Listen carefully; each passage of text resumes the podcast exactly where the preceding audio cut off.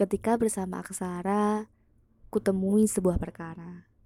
Mengenai tawa ataupun lara, keduanya menjadikan berwarna.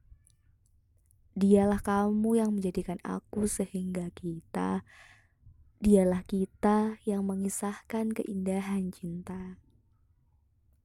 Aku pernah sedikit berhayal, suatu ketika kau kirimkan kurir mengantar sebuah bingkisan, bukan ke rumahku tetapi asramaku. Diterimalah bingkisan itu oleh pengurus. Pada saat yang sama, aku melakukan kesalahan karena membolos ngaji. Datanglah pengurus itu ke kamarku. Dia mengetuk pintu sambil memanggil namaku. Hmm, kalian masih ingat kan kalau aku sedang berhayal?